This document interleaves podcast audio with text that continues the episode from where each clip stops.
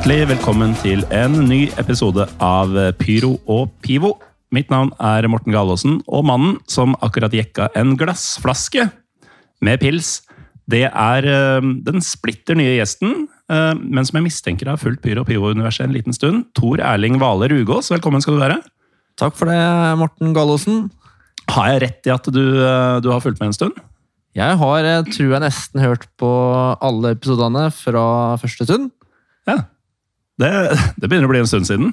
Er, Jeg skal ikke si jeg hadde hår da, men eh, jeg, jeg så nok litt annerledes ut ja. Uh, i mitt uh, sinn. Uh, hvor, hvor, hvor var du, holdt jeg på å si, i 2016, som fikk med deg at Byrå Pivo i det hele tatt fantes?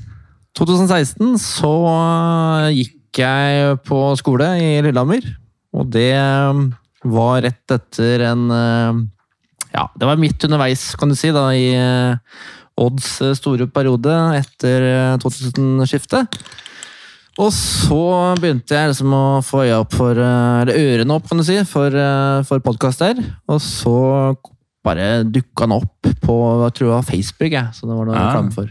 Ja, Facebook. Altså, jeg, jeg avslutter hver eneste episode med å si eh, at vi er på Twitter og Instagram, men eh, det er jo faktisk en Facebook-side som jeg egentlig glemmer å vedlikeholde litt. Um, I 2016 så var jo Facebook fortsatt relevant for, eh, for mange.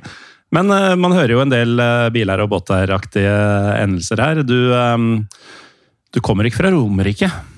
Nei, det er fra, er fra ganske grovt inn i Telemark, altså. Så det er mm. Grenlandstraktene. Sitter her i hvitt og svart, og um, det, um, selv om det står uh, med kyrillisk skrift på brystet, så, så er det et hvitt og svart lag du holder med i Norge også. Det er eh, Odds ballklubb, vet du. Odds ballklubb, ja. Eh, ikke Odd um, Trondheim, som, som fantes for ja, noen og 90 år siden. Men Odd fra Skien. Og det du har på deg, er da en Grobari-T-skjorte?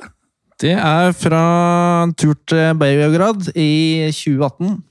Ja, fordi det er jo det som er dagens tema, er jo eh, reise. Det er jo noe som går igjen i, i uh, Pyro Pivo, men eh, når vi har hatt eh, sånne um, Europacup-kvalik-guider, så har det jo gjerne vært eh, meg, Trym Hogner og Lars Skau. eh, Tre mann som omtrent aldri får reise utenlands for å se laget sitt. Det har du fått gjort ganske mange ganger, til en del steder som vi eh, knapt har vært borti i eh, løpet av de 230 episodene av Pyro Pivo. Ja. Uh, ganske sånn bortskjemt fyr. Men Beograd, det, det må ha vært uten Odd, eller? Det var uh, høsten 2018 utenom Odd. Da var det rett og slett en midtukekamp med Partisan Beograd mot uh, Vojvodina Novi Sad. Og det Mhm. var eh, Røde Stjerne i Liverpool. Ja. En eh, double feature. Double feature, og billettene kom til posten dagen før avreise. Så det var flaks å få eh, billett til Røde Stjerne. Ja. Eh, og der var det, det var den matchen som de vant, ikke sant? 2-0. Ja. Det fullt hus og 2-0-seier mot eh, et av Europas eh, ja, beste lag. Grei opplevelse. Det var utrolig rått. Jeg var jo der nede to dager først alene. Og så kom det noen andre Odd-fans ned til kampdag.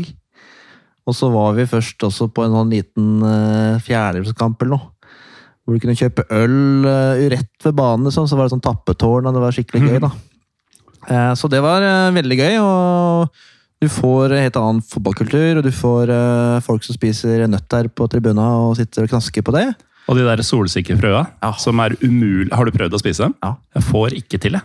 Det er tørt. Ja, men, ja, men altså, jeg har, jeg har tydeligvis ikke munnlig finmotorikk til å, til å klare å åpne dem og få ut frøet uten at alt går gærent.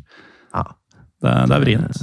Men eh, ja, eh, Sørøst-Europa, der ligger eh, altså, sånne plassseter på hvilket som helst stadion. Om det er et velholdt et som, eh, som Rajko Mitic, da, som, eh, som du så Champions League på, eller et fjerdedivisjonsstadion. De plassetene er bare klistra med sånne fastgrodde eh, skall Ja. fra de solsikkefrøa. Uansett om det er Serbia, eller Tyrkia, eller Romania eller eh, Georgia, for den saks skyld. Det tror jeg på. Um, men man, man setter seg jo for det. Um, tappetårn på fjerde nivå, Ja. det er nice. Det var eh, en liten sånn klubb eh, en mil utafor sentrum av Beograd. Og den gikk på formiddagskamp, husker jeg. Og da, da var det veldig stort å få turister dit. da. Var, eh, Vi la igjen litt penger der og kjøpte litt eh, beger. Ja. Eh, Så vi måtte hydreres, da. Så det var veldig gøy, det. altså. Ja, nei, Vi har jo hatt eh, flere besøk av den såkalte Balkanfabrikken. eh, Runar Norvik, eh, mediesjef i FK Haugesund og Balkan-entusiast. Eh, Hans favorittlag i eh, Serbia er jo OFK Beograd. Første gang jeg var i Beograd, så fikk vi med oss dem da de var i eh, toppdivisjonen. Og det som fantes av kiosktilbud hos den en gang så stolte klubben, det var en gammel mann som løp inn og ut av stadion til en kiosk i nærheten og henta det folk ba han om å, om å kjøpe med. Og tok selvfølgelig en ganske bra avanse. da. Det er Fra- avanse, tror jeg. Ja, han, han skodde seg bra på oss eh, spesielt, som ikke visste hva han egentlig tok for ting. Ja. Men eh, det var greit. Men er, er det lov å bare ta en liten, en liten uh, avbryting her, og så ta en liten rant på en ting som var vanlig før i norsk fotball? Er det lov å ta en liten uh, sidesporing her? Det meste er lov i den podkasten her. For når du sier det med at folk henter ting og kommer med varer, så savner jeg kanskje grunnen nesten til at jeg blei fotballinteressert da jeg var liten. Det var jo når jeg var på Falkum og så kamp, og så var det sånn eh, Freia-mann som gikk rundt med sånn brett med sjokolade og kaffe og sånt. noe. Mm. Det var jo dritkult. Og de kom sånn rett bort til der du satt, i stedet for å gå i kø. Jeg husker at um, på, um, på Ullevål, på sånn midten andre halvdel av 90-tallet, da jeg begynte å gå på kamper um, Selv om det da var Vålerenga som var hjemmelag, så gikk det jo sånne folk rundt, gjerne fra ungdomsavdelinger og sånn, for det var ofte ganske unge folk, med de bretta med melkerull og, og sånne ting. Og selv om Vålerenga var hjemmelag, så var det gjerne Lyn som øh, disse folka representerte. Eh, Det var jo en litt annen tid for Lyn, da, da de eide en vesentlig andel av stadionet og var en klubb eh, i den såkalte toppfotballen. Men eh, ja, ting var bedre før på veldig mange måter. Apropos det, savner du gamle Falkum, eller Ja. er du fornøyd med Skagerrak? Absolutt. Savner det veldig. Mm. Jeg savner eh, billettangst og én tribune og grassbakke på andre sida, og et tårn og klokkesving mm. og kampprogram. Jeg er jo gammel nok til at jeg fikk med meg den uh, sjøl. Og det var jo eh, kanskje ikke en like sånn Det var en noe mer eh, bortesupporterfiendtlig opplevelse. Men det var jo mye kulere for det. Når man fylte den tusten i stedet for å ha 300 ledige seter bak seg, uansett hvor mange bortefans man er. Det er så rart, det stadionet. For det, det er jo ikke spesielt svært.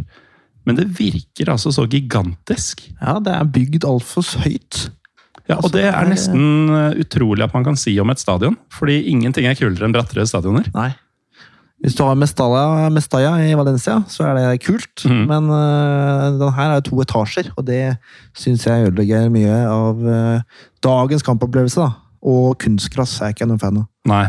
Nei, Det er liksom et par av de verste tinga fra to verdener. Så får det heller være at uh, håndlykken har fått satt inn noen solcellepaneler og greier. da. Det har han ordna. Uh, det er jo faktisk uh, formildende, i, i det minste. Men eh, Beograd, ja. Du, um, altså, vi skal jo snakke om dine erfaringer opp gjennom åra med et par både obskure og um, storslagne uh, borteturer som Odd-supporter. Ja. Men uh, vi kan jo ta ferdig denne Beograd-greia. di. Altså, Fjerdedivisjon var en sjarmerende, kul uh, greie. Um, Champions League hvor Svesta på et fullsatt Maracana på holdt på å si nattestid Ja. beseirer Det- Liverpool, må ha vært helt utrolig. Den kvelden der var litt rar, for jeg kjøpte sånne Jeg kjøpte fire billetter på sånn football ticket site. Mm. Og det er serbere som eier det her, da. Da tenker jeg Stoler vi på dem, da? Ja, jeg må stole på serbere. Ja, kan stole på Dragan og de der. Og så bestilte jeg jo de så fort gruppespillkampene kom ut, da. På hjemmesida til Partisan. Nei, til Partisan, unnskyld. eh, Røde Stjerne. Så var jeg inne og skaffa det her. Eh, problemet var at det var ulike adresser da, som de folka bodde på, så de kom jo litt eh, Så jeg kunne også endre på adresse hvor jeg ville få de. Mm. Så de to andre som, som bor nede i Grenland, da, de fikk jo det hjem. Ja. Det også var rett før avreise. Mm. Mens jeg fikk min dagen før jeg skulle reise. Altså, når man er der sånn Si tre dager før avreisedato, da. Ja. Den derre nerven når du sjekker postkassa Ja. og finner ut faen, det var tomt. ja. Da må Det- det komme i morgen. Og så er det ikke der. Og så har du én sjanse igjen! Det kjenner jeg meg igjen i. Følelsen da du fant billettene siste dagen der, Da tenkte jeg først er det, er det noe opp igjen, eller er det bare en kødd? Mm. Men det var det, da. Og den har jeg hjemme på veggen, og det er litt kult. Eh, Det som skjedde, kan du si, da, som er litt eh, snodig med Biograd, er jo at eh, å kjøre taxi der som turist, det er risiko. Mm. Men jeg fant ut at trikk det var tryggere og gratis, så jeg tok trikk til og fra kamp. De andre jeg var med, de eh, fant en eh, pirattaxi som var kriminell. Ja. ja, for det fins kriminelle der. De fins. Mm. Hva, hva skjedde med disse? Nei, de måtte betale noe ekstra gryn. Mm. Eller gærninger, da, som det heter. Ja, Så de måtte ut med noe.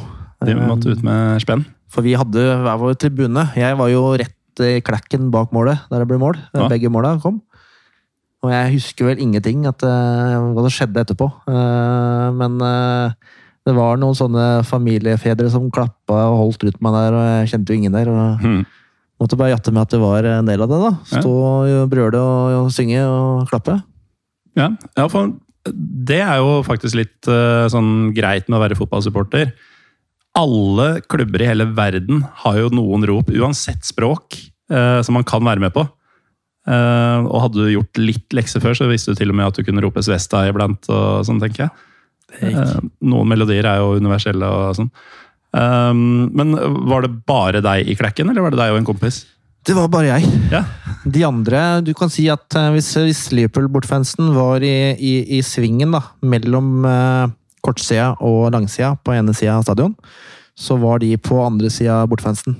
Jeg var Mm. bak målet, og bortfansen var mellom meg og dem. da. Ja. Så, så jeg var litt for meg sjøl der, men uh, det var gøy. En voksen avgjørelse da, å trå aleine inn i det reiret der. Fordi, altså, Jeg, jeg veit ikke hvor mye du visste om Delier, som det heter på forhånd, men det, de har jo hatt noen sånn paramilitære tilknytninger og en del uh, ugne uh, politiske greier, og vært involvert i mye ja, voldsomme handlinger og sånn. Det Det det. er jo ikke sånn Man kommer ikke inn der som gjest og tar plass. Nei. Um, åssen gikk du fram? Det som var litt rart, er sånn at eh, når vi sto utafor og skulle inn, så så merker jeg at det ble trangere og trangere jo nærmere kom eh, de små portene som vi skal gå inn. Det var ikke noe sånn der, gammeldags sånn engelsk sånn, eh, sånn vindeldør som du går inn, liksom. Det er ikke sånn gammel en. Det er mer sånn liten port du må snike deg inn i. Og det var jeg og alle andre, tror jeg var sånn eh, 100 kilo, stort sett alle. Mm. Eh, heldigvis var jeg ganske høy, jeg òg. Ikke så høy som deg, men eh, jeg kom meg inn i klekken der og fikk pressa meg inn. Før det gikk gærent, tenker jeg. Eh, og da fikk jeg en god plass. Ja. For det var ståplass her, og alle sto. Ja, det, det, det trenger man ikke å, å nevne, men det er jo, altså du, du, var på, du var på partisankamp også på den turen. Jeg tenker jo det er jo En ting er at det er en voksenavgjørelse å velge å dra i, på Delier sin tribune aleine.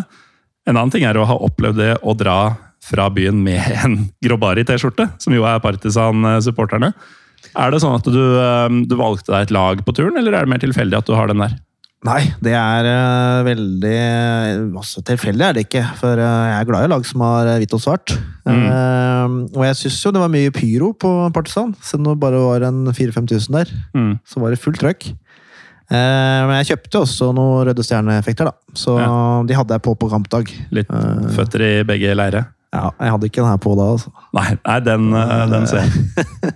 Men det, det er jo interessant at du sier det at det bare var 4000-5000 på, på den andre matchen, fordi du sa det var mot Vojvodina.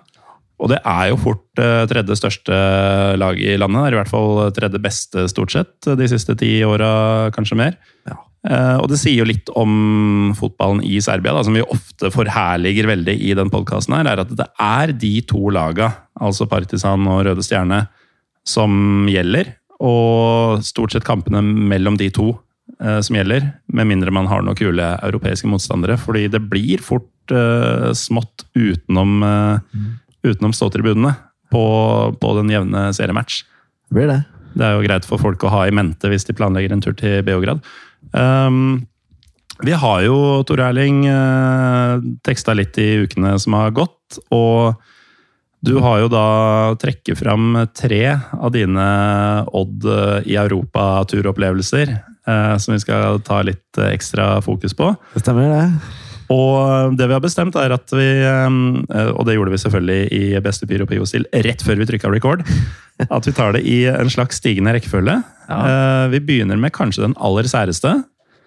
Fortsetter med den mest Pyro Pivoete, og så avslutter vi med den eh, ja, desidert største. Ja. Um, og da skal vi til eh, Vi skal vel rett og slett til eh, Østersjøen på, på den første vi har valgt oss ut. Vi skal det, altså. Vi skal, eh, vi skal til en liten øy mellom eh, Åbo og Stockholm, kan du si. Mm. Og den eh, heter nesten en mellomting av de to. Åland. Det er Åland. Åssen havna dere der? Det er jo alltid, alltid nesten sommerens høydepunkt. De tre åra, i hvert fall som jeg som voksen da, har opplevd Odd i Europa. De var jo i Europa også Odd i 2001 og 2004, men det var ikke jeg på borteturer da. Men eh, nei, altså det å, det å legge seg kvelden før trekning, det er jæklig gøy. Mm. Og så skal du, kan du møte hva som helst nesten. Eh, Og jeg tenkte sånn at eh, la oss ikke få Bala Town fra Wales eller noe sånn hvor det er 100 stykker. La oss få en kul klubb da, som kan få med mange Odd-fans, Mm. og som er litt sånn sjeldent. Og uh, Sjeldent ble det. sjeldent ble det, fordi uh, Jevko Mariehamn, eller uh, Seasiders som de kalles, de, eh, de er jo egentlig ikke noen storklubb. Nei. Det er en gammel klubb. Det er vel fra 1930-1919 klubben er fra. Hvis jeg ikke tar helt feil. Og, eh, men de har ikke vunnet noe særlig. Nei. De har nesten aldri vært i toppen. Men så klarte de det den året før eh, vi møtte dem i Europa. Mm. Så en sjelden mulighet eh, presenterte seg. Når du sier at de, eh, de ikke har vunnet noe særlig og hevda seg noe særlig, altså For dem som ikke veit, de sokner til Sverige eller Finland? De sokner til, til finsk liga, altså. Mm.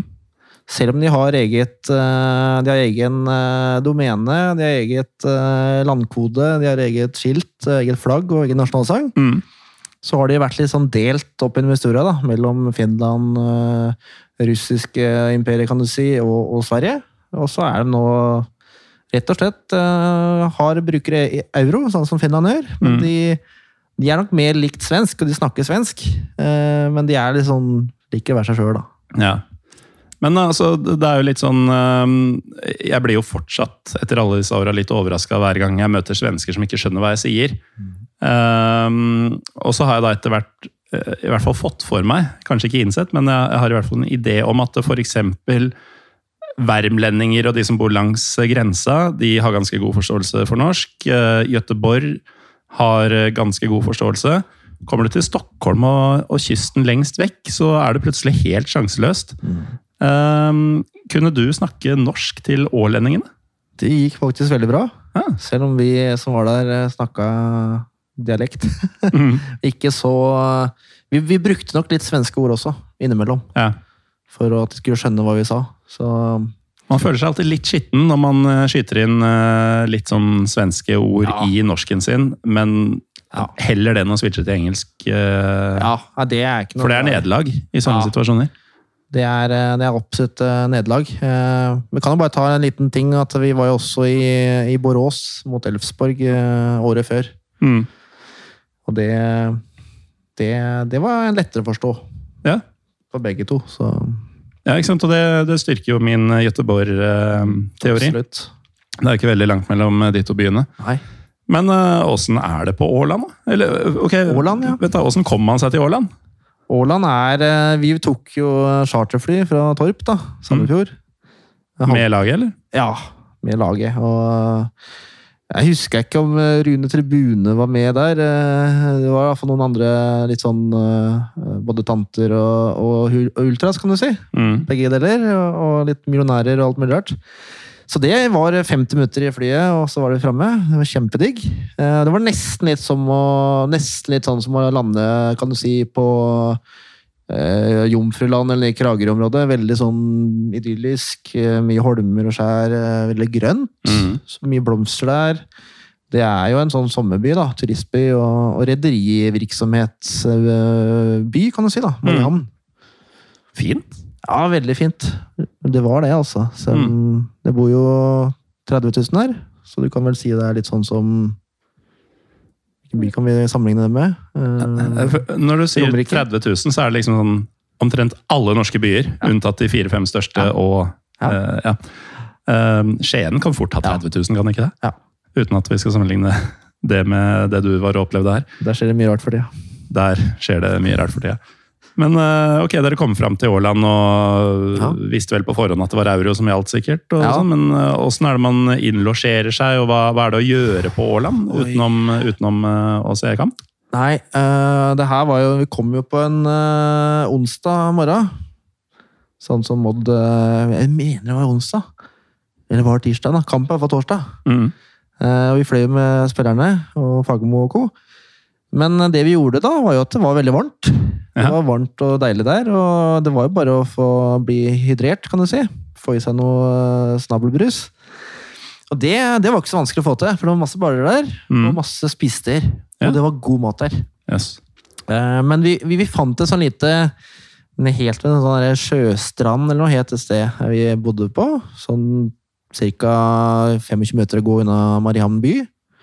Og der eh, fant vi sånn en slags sånn ferie, eller sånn ferieleilighetskompleks. Eller det var et hotell, da, men det ligna mer på sånn der eh, Resort. resort-aktig. Det var veldig fint. Eh, der satte vi oss ned. Og så var det noe der sånn, som de var veldig stolt av, da. På Årdal. Og det er jo Stallhagen bryggeri. Ok. De er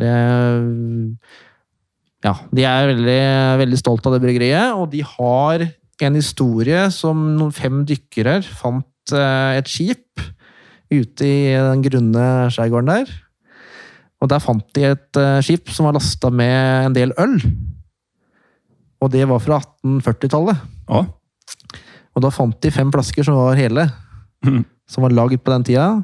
Uten noe særlig humle og, og, og bitterstoffer, kan du si, men mer som en slags svin. Ja. Så du kan si at det er en øl med champagnekork og futti. futt i. Og det, det måtte jo noen av oss teste, da. ja. Åssen Altså, uten at vi skal gå nærmere inn på det, du, du kan jo din alkohol. Um, Jeg er utdanna innenfor eh, sommelieryrket, som det heter. ja. uh, som uttales sånn, og ikke somalier, for de som skulle lure på det. Nei, det. er mange som sier. Ja. Um, var opplevelsen av denne champagnete ølen? Nei, det, det, det her var jo i 2016. Uh, og da, da var jeg 25, og jeg, var- jeg, var glad i, jeg var glad i å teste ut litt ting da også. Sånn øh, drikke og mat. Uh, så det var en helt ny opplevelse, rett og slett, å teste det der. Uh, for det var ikke noe sånn sur eller sånne ting. Det var mer en slags nail, da. Mm. Med litt futt i.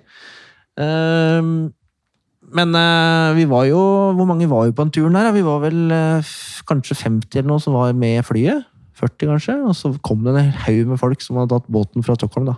Mm. Eh, men de kom dagen etterpå, så vi hadde dagen der uh, aleine.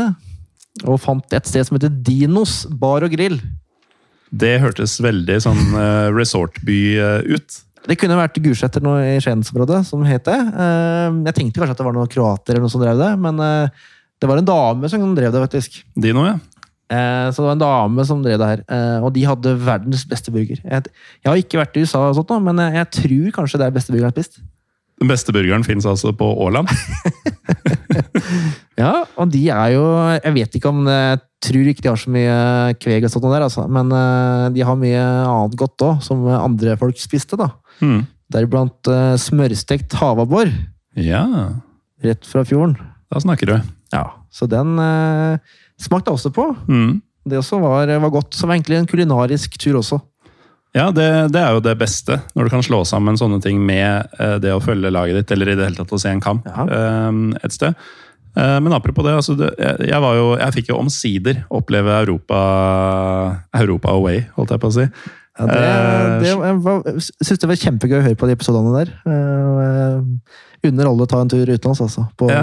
Med et norsk lag. Nei, for vi var jo i, um, i Seinejoki i, i Finland eh, nå i sommer med Lillestrøm. og Jeg la merke til det du sa om charterflyet, at det var tanter og ultras og millionærer om hverandre. Og det er jo det som er helt nydelig med sånne europaturer. er at du, du har gjerne sånn samlingssted, ikke sant? og da kommer alle dit. Uavhengig av om de er tanter eller ultras eller, eh, Det det, altså. eller millionærer. Ja. Og da er det plutselig en sånn eh, Nesten en sånn familiefølelse, da. Hvor, eh, altså Nå veit ikke jeg åssen ståa er i supportmiljøet i, i Odd, men i, eh, og dette har blitt sagt i det kjedsommelige både Pyro og Pivo og andre podkaster, men Lillestrøm har jo hatt eh, litt utfordringer internt eh, tidligere. Og eh, har fått eh, liksom samla troppene de siste årene ordentlig. Eh, og den, den turen til Finland var liksom en sånn kroningsferd for akkurat den reisen man har vært gjennom. no pun intended. Om at man gikk rundt og skåla med Gud og hvermann, nesten bokstavelig talt. Uff, ja. Nei, jeg, er så glad sånn i ettertid at det ikke holdt med, med Bodø-Glimt første året de vant serien der. Når de skulle ut i Europa og de ikke kunne reise. Det var, eh, da tror jeg det gravd meg ned, rett og slett. Ja. Eh, altså de, de har fått mye kritikk for mye av det de har drevet med de siste åra, men uh, det skal de ha. altså Bodø-folket de har gjort opp for uh, det at de ikke kunne reise i starten. For det har vært gode tall på, på mange steder. Så får det heller være at de ikke turte å dra til Zagreb. Da. Um, men ok, så du, du spiser og drikker godt på Åland. Um, fine omgivelser. Dere er ja, i det minste noen titalls supportere på tur. Um, Det var vi. jeg antar at det føltes ganske trygt å ferdes rundt i supporterutstyr og sånn, at det ikke var noe ambushing og noe lokale hooligans som skulle ta dere? Det var veldig fint. Det var nesten som å dra på Derby mot Sandefjord. Det er ikke sånn kjempefarlig, altså. Nei, nei det, så det Dere trengte ikke å være inkognito på noe vis. Vi, vi var stort sett kledd i hvitt eh, overdel. eh, Stort sett alle der. Men så kommer jo kampdagen. Eh, nytt stadion, vil jeg anta, at du ikke hadde vært der før. Eh, fortell litt om, eh, om åssen Mariehamn, var det det det het? Mariehamn, ja. Det er jo Vikløf Wikløf Holding Stadion, som det heter. Det er nok noen sånn sponsornavn der. Ja, det bør det være. Eh, Helt før eh, ble bygd i 1932, så det er jo en gammel eh, stadion, egentlig. Eh, Idrettsparken. Idrettsparken. Mm. Og den syns jeg var eh, Kunne minne litt om eh, eh, Ja, kan si Notodden eller Strømmen stadion. Altså at det er én svær eh, langside, og så er det ingenting annet, da. Mm. Stort sett ikke så mye annet. Og en liten klekk eh, med hjemmefans som var samla helt på utsida der. Ja, Litt sånn som Sandefjord har. ikke sant? Mye Ja, jeg syns det var litt likt. Og så var det gressbane, da, heldigvis. ja. ja, det fortsetter dette her. Og når du kommer inn der og du, du lukter at det er kløpt gress, det, det, det savner jeg veldig, altså. Mm. Ja, det, det slipper jeg å bekymre meg for, men eh, Det misunner jeg LSK. ja, det, det bør alle gjøre. Ja. Som ikke er eh, Sandefjord eller Haugesund eller Rosenborg eller Brann. Eller Stabæk, faktisk. Ja. Utrolig nok. Um, men ok, det, hvor, hvor mange vil du anslå var på denne matchen? Jeg vil tippe vi var rundt 100 stykker der. Det var vi nok. Dere fra Odd? Ja. Ja. Og totalt eh, Jeg ble overraska om du sier at det bikka 1000. Det var nok cirka ca. litt over 1000 tyskere der, tenker okay. jeg. Men det var nok det, altså. så det var litt interesse. Det var litt interesse, for det ble jo 2-0 i første kampen i Skien. Mm. Eh, Og da var det jo Grøgaard, faktisk, hans eneste mål, tror jeg, J. Eh, og Ocean, evig unge Ocean, som putta. Og da følte jeg meg ganske trygg på at det kan gå, gå greit, altså. Men når vi dro i gang noen sanger der, og jeg tror ikke de andre skjønte så mye hva vi sang, da, selv om de skjønner norsk, kanskje, men eh, det ble jo 1-0 til Mariehamn etter fire minutter, og da var det mange som ble litt nervøse der. Mm. For vi hadde vel kalkulert med å, dra videre etter den eh, matchen der på ny bortetokt. At dette skulle gå greit, ja. Gjorde det det? Det gikk greit, men det var eh, første gangen var eh, mye spill fra Mariehamn. Og det var en del taklinger der og kort og Før Bentley skårte etter 78. Mm. Da var det ganske vokst. Kanskje favorittklippet mitt på hele internett. Det er når Bentley drar til absolutt alt han kan på en ball som har gått utover linje. og treffer en eh, ballgutt eh, som står maks en meter unna, rett i trynet. Stemmer. Altså, det, det ser altså så ekstremt dumt ut. Ja. Fordi det er så enormt med kraft og sinne i det sparket. Ja. Og han kiden bare At ikke han flyr ut av stadion. ja, det kunne fort vært. Mm. Jeg har sett det der mange ganger, jeg òg. Ja. Altså Når man veit at det gikk bra, så er det jo gøy. Da er det jo kjempemorsomt. Det, det som altså er litt gøy når jeg er på sånn tur, da eh, Du kan si det med spillere her og Det er som å dra i gang en sang i flyet. Det kan også være gøy. Mm. Gjerne litt sånn eh, Litt sånn eh, småharry er det jo. Det er dritharry. Det er det. Men- det er harry, altså. men det hører med. eh, Men det hører litt med. Og, og, og enkelte supportere eller spillere her også syns jo det var litt gøy, da. Men det er forskjell på Steffen Hagen og Jarko Hurme, liksom. Mm. Når det gjelder supporterkultur, da. Ja, det kan jeg bare ta ditt ord eh, på. Men uh, vi hadde jo en eh, slags uh, Altså, i nest siste serierunde i fjor så var, eh, havna jeg på samme fly som LSK-spillerne på vei hjem fra Molde Ja. på kvelden der, og da var vi ganske fornøyd med åssen ting hadde gått. Det var da Thomas Lene Olsen hadde frispark i krysset som redda poeng i den 3-3-kampen. Eh, og da ble det bestemt, da. Vi satt jo på litt forskjellige steder, for dette var jo en eh, kommersiell flygning. Ja. SAS, tror jeg det var. Um, så var det en som bestemte at når det der setebelteskiltet går av, så starter vi en spillersang. Og det gjorde vi. Og det var jo munnbind og hele pakka. og Jeg satt ved siden av en litt sånn halvgammel dame og greier. og det, det, var, det var mye rare reaksjoner der. Fordi én ting er å sitte liksom et par rader med folk som starter en sang, men å være den eneste på sin rad, samtidig som du hører noen andre borti liksom, tre rader foran og fem plasser til høyre og sånn. Eh, litt spesielt. Ja. Og um, det ble også sendt uh, muffins til, til han spilleren vi hadde synget til Oi, oi, oi. litt seinere. Så um, harry på flytur med spillere, det, det må man rett og slett være. Ja, det er det. Eh, det som jeg også kan si fra oppladninga til denne matchen her, da Da var vi jo Da kom det en eh, litt påseila gjeng fra Stockholm, eh, som seg hør og bør, kanskje, på en sånn tur. Med alle slags figurer, da. Det er hele samfunnslaget er med. Mm. Og vi har den Dinos bar og pub, som vi har, eh, eller bar og grill, som det het, som vi har avtale med, da, at vi skal være der. Og eh, de selger jo sånne, sånne bøtter da, med leskedrikk, Mm. med is oppi. Det er dritvarmt der. Og de går tom etter to timer. Ja, Tom for uh, glassdrikke. ikke sant? Og de har ikke tatt høyde for at det kommer hundestykker, uh, og kjøper så mye. Så, så det var litt gøy at de måtte bare si at vi, vi, vi har ikke mer. Nei. Men hva gjorde de med det? Løp de på supermarkedet, eller noe sånt, eller var det bare stengt? Nei, de måtte kjøpe, hente inn, uh, hente inn tønner da, uh, fra Stallhagen. Uh, jeg, jeg har en mistanke om at de eh, Det var jo en torsdag, liksom, eh, midt på sommeren, så det var nok ikke sånn kjempetrøkk i byen der. altså. Mm. Det var nok litt sånn søvnig akkurat den dagen der. Ja. Nei, for det, um, det, det er forbausende hvor, uh, hvor ofte folk undervurderer uh, tørste nordmenn. Ja. Um, vi sitter jo hjemme hos meg, det har vi ikke sagt. Ja. Men uh, rett bak deg på veggen så henger en plakat fra episode 100 som vi hadde på Edderkoppen for uh, tre og et halvt år siden. Stemmer det? Um, da var det jo sånn det, Edderkoppen ligger jo tilknytta jeg tror det er et Scandic-hotell i Oslo. Og baren til det arrangementet var da hotellbaren. Eh, Dette arrangementet var da på en tirsdag, begynte halv sju. Klokka 18.40 Ja. så var de tomme for ølglass. Ja. Eh, Så alle måtte drive og kjøpe Carlsberg på flaske eller noe sånt. Ja. Eh, Det, det var jo ett eksempel, men dette var da tirsdag ettermiddag, liksom. Men også vi i Finland nå i Seinajoki opplevde at på den puben vi hadde samla oss på, da, og vi var vel en nærmere 300 LSK-fans i, i byen den dagen, også en litt sånn søvnig by, der tror jeg at det var sju kraner med forskjellig øl og annen drikke, altså drikke på kran med alkohol, Ja. eh, i den eh, puben. Da vi kom tilbake etter kampen og skulle fortsette eh, feiring og sånn, for vi vant jo, så var fire av de sju kranene tomme. ja. Så nei, de, dem drikker, som man sier. Ja. Men eh, skal vi forlate Åland og dra til mer grisgrendte strøk, eller er det mer Ja. å nevne derfra? Jeg skal nevne én ting. Eh, Jeg skal ikke nevne navn her, men vi hadde en, eh, en, en banestriker, som det heter. Sånn, eh, en som løp utpå der. Eh, Mm. Og det, ja, det jeg vet ikke hvorfor han valgte den kampen der, da. Men, men, sånn var det. Det kom jo på Det kommer i nyhetene òg, men ja, det var ikke så lurt. Men heldigvis var det bare én, da.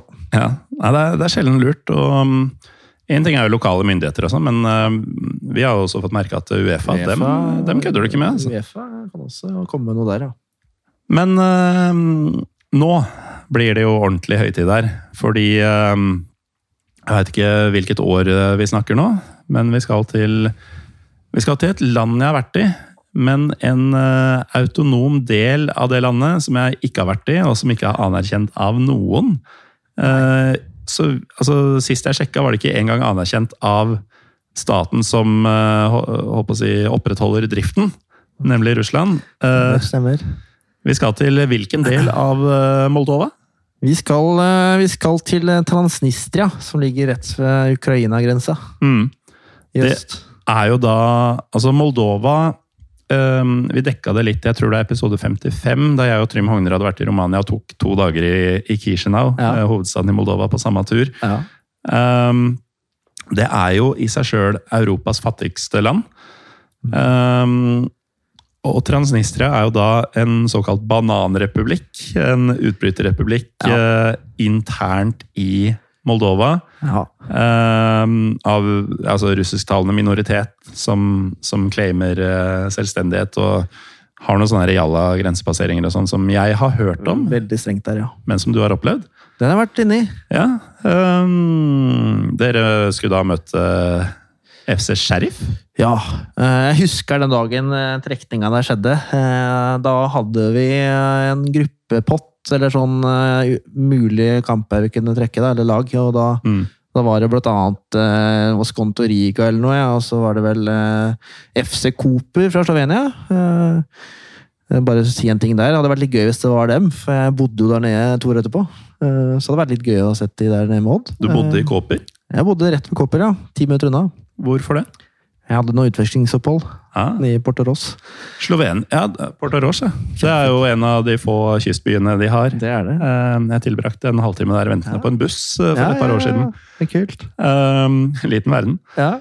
Men før vi Nå hopper vi fra vi dritfattige Moldova til Ja. relativt velstående Slovenia. Ja. Fordi det også har hatt en egen episode, men undervurdert land. Ordentlig undervurdert land. Slovenia, ja. Ja. Altså um, natur som uh, i hvert fall kan måle seg med Norge. Ja. Det er, vi har eh, fjell som er mye høyere enn norske fjell. eh, Triglav-fjellkjeden. Og vi har, de har dalsøkker som er kule. De har vinindustri. De har skal vi si, en hoppkultur som de er stolte av. De har også en liten, tynn kyststripe. Så, så Slovenia hadde egentlig et håp om at det kunne bli, da, Mm, når trekninga skulle gjøres. Ikke sant? Eh, Jeg hadde jo satt fram noe drikke som jeg skulle kose meg med, og feire hvem det som helst det blei. Og så ble det Sheriff Ja. Tiraspol. Det er verdt å feire det òg, da. De var Det var sida, kanskje ikke det du håpa på. nei, de var sida til nummer to. Mm. Men du har som alltid et håp om at kanskje det laget ikke er helt i kampsesong. Kanskje de har noen sånn individuelle folk brasilianske som ikke er så velspillende med laget. Kanskje de har noe noe streikende fans som ikke gidder på kamp. Sånne ting, da. Og det, det blei det jo til dels uh, visshet i sannhet i, da. Mm. Men øh, altså Hvis jeg hørte deg riktig nå, du, du setter deg ned foran trekninga Ja, med litt godt i glasset. Ja. og sånn. Det, det er en sann høytid. ja det var utrolig gøy. Mm. Det her var jo første kampen Odd spilte i Europa siden 2004. Mm. Hvor de røk eh, mot eh, Feinor. Um, når trekninga ble gjort, eh, så hadde jeg fått med meg at et par uker før så var det et eh, nyhetsoppslag i Telemarksavisa. Mener jeg det var, eller var det Varden, for en av de lokalavisene i, i Grenland. Og da var det et ektepar som hadde vært i 120 land i verden. Mm. Og de hadde to land de ikke anbefalte i det hele tatt. Det var Hviterussland og det var eh, Transnistria. så jeg tror det var mange som hadde lest den artikkelen her. For, Ja. For eh, det var ikke sånn kjempetrøkk for å dra dit, altså. Det var ikke det. Um, jeg har jo ikke vært i Transnistria, Transnistria, men jeg har vært i Moldova og jeg har vært i uh, Hviterussland. Uh, også en egen episode. Um, vil jeg faktisk anbefale begge to. Men Ja. så er jo jeg litt glad i sånn tristesse og sånn. Den uh, tror jeg du også får i, i den delen av Moldova. Ja. eh, det er vanskelig å, å, å huske altfor mye sånn langt tilbake, men, men øh, den turen der husker jeg nesten alt, øh, faktisk. Og det, det begynte jo med at, at Odd la ut et slags charterflyopplegg ganske fort Mm. etter trekninga. Skjønner jo at det ikke den kommersielle appellen Ja. er helt Ja.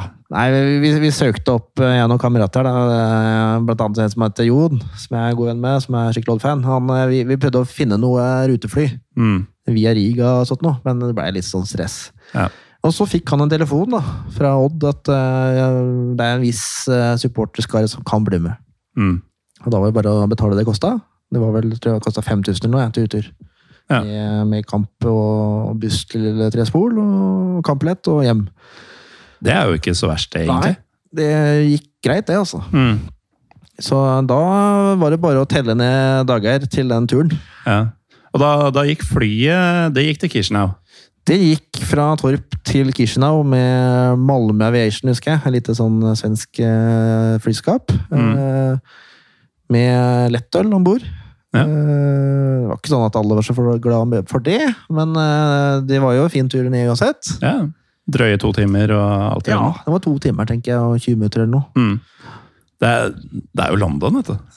Altså, ikke når du lander, men eh, sånn, folk tror ofte at, eh, at disse litt mer eksotiske destinasjonene er så langt unna. Ja. Det er det ikke nødvendigvis. Ikke når det går så radelig og fint flyvær. Og, og vi lander i Chisinau, da, eller Kishinev som heter det på engelsk. Eh, lander vi der i 30 grader, tenker jeg. Og så er det Da har vi egen buss, da, eller minibuss, vi som er fans. Eh, og så har Odd og spillerne De har eh, eh, politieskorte, faktisk. Mm. Og det var litt gøy, for de kjørte forbi bussen vår og var full eh, eskortese og blålys. Og tenkte er, er, er det Barcelona som er på tur her? Så, så det var gøy. Så var det ca. 20 minutter, tenker jeg, 25 minutter ned til sentrum. eh, Til eh, Jolly Alon hotell, firestjerners hotell, i, midt i Kishnau. Ja, så dere tok en natt i Kishinev? Vi bodde begge nattene, nettene der, ja. Ja, ok. Fordi eh, det var der jeg var òg. Mm. Og eh, det Altså, mitt inntrykk av byen var altså kjempegrått, kjempetrist. Men de hadde prøvd å gjøre det sånn storslått og sovjetisk, sånn som du forventer. Ja, Så det var liksom sånn vide avenyer og, og svære sånn ja, Ikke pene, men svære, Veldig- si, effektive bygninger. ja, Uh, men jævlig lange avstander uten at du egentlig ja. At det var noe der. Det var det. Uh, for det var sånn Tror jeg og Trym gikk i sånn 40 minutter fra vårt sentralt beliggende hotell til uh, der det var et par barer. Ja. Til gjengjeld så var det jævlig kule barer når du først fant noen. Jeg vet ikke hvordan det var for dere. Eh, ja, altså første dagen der, eh, da var det litt av et opplegg. Eh, for da vi skulle ta ut noen penger, husker jeg først, i minibank på hotellet, etter vi hadde sjekka inn. Og da hadde vi med oss en sånn reiseleder da, som hadde vært der nede før. Eh, og da, da skulle vi først sitte litt i byen, og synge litt og spise litt sånt noe. Og ta bare noe lett, lett mat, rett og slett, i byen. Og noe uh, Bere Kishinau het ølet der, husker jeg. Eh, Mm. Og så ble det litt av det, og litt uh, Farrisvann og sånne ting. Eh, og så skulle vi på kvelden eh, til en sånn derre lokal familierestaurant Ja, litt utafor sentrum. Og vi var vel en 20, tenker jeg. 20 stykker. Og eh, ja, jeg vet ikke hvor mye sedler jeg tok ut i den minibanken. Det var utrolig mye sedler. Og det er ikke verdt noe ting, vet du. Så det er sånn, én seddel var sånn 0,2 kroner eller noe. Og så eh, Selve papirkvaliteten også er liksom Du merker at det er dårligere enn enn de fleste andre. Det var tynt. De er mindre, de er tynne. Ja. Det er sånn utrolig lett å forfalske, vil jeg tro. Og veldig små. Ja. Det var noe sånt noe. Altså, si en eh, åtte centimeter kanskje breie. Altså, veldig små og, og, og, og, og, og korte og smale, liksom. Og vi hadde så mye av det i lommeboka. Vi visste ikke hvor mye det var. vet du. Nei. Hva er det verdt, liksom? Og så gikk vi på denne, ble vi kjørt med minibuss igjen da, ut til den der eh, familierestauranten. Og vi fikk jo konfetti og lys på kaker, og det var helt vilt der. De var så glad for å få turister på besøk.